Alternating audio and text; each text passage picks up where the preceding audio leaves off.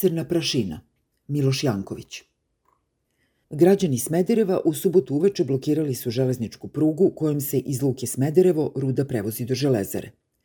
Ruda koja se uvozi iz Turske, a zatim transportuje do železare, već mesec dana pravi ozbiljne ekološke i zdravstvene probleme Smederevcima. Upečatljive su fotografije crne rudne prašine koja pada po njihovim telima, kućama i dvorištima, a za koju se sumnja da je kancerogenog sadržaja. Ustav Republike Srbije članom 74 garantuje svim građanima pravo na zdravu životnu sredinu. Očigledno je da kineska kompanija HBIS, koja je 2016. godine kupila železaru, krši osnovna ustavna prava, a da nadležne institucije ne reaguju. Još uvek aktuelna ministarka građevinarstva, saobraćaja i infrastrukture Zorana Mihajlović, umesto da stane u zaštitu građana Srbije i kinesku kompaniju primora da poštuje ustav naše države, čini upravo suprotno.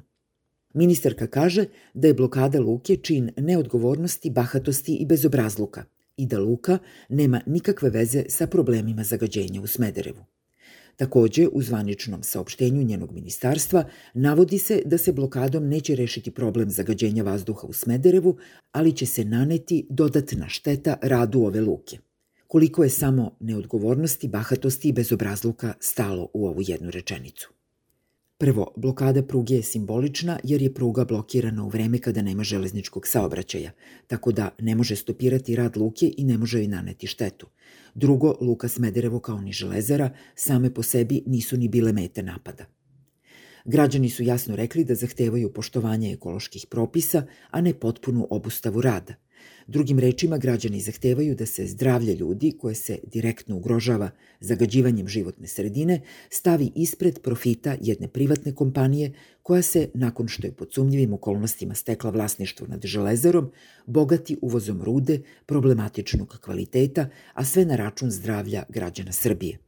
Treće, saopštenjem u kome piše da borba za osnovna ustavna prava nanosi štetu i ugrožava rad luke, železare ili bilo čega drugog, otvoreno se priznaje nelegitiman karakter trenutnog režima.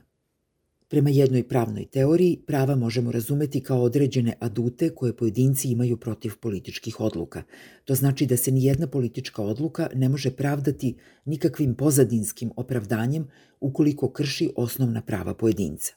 Šta god bilo u sukobu sa pravima, naprosto se mora obustaviti. S tim u vezi, u pravnom smislu legitiman je onaj režim koji poštuje i štiti osnovna ustavna prava. Dakle, ukoliko neka kompanija svojim poslovanjem krši pravo građana na zdravu životnu sredinu, država je dužna da takvo poslovanje zabrani, bez obzira kakve će to finansijske gubitke prouzrokovati – Umesto toga, ovaj režim nam preko resornog ministarstva jasno i otvoreno kaže da ne daje ni pet para za ustavna ograničenja, te da mu do legitimiteta više nije ni stalo.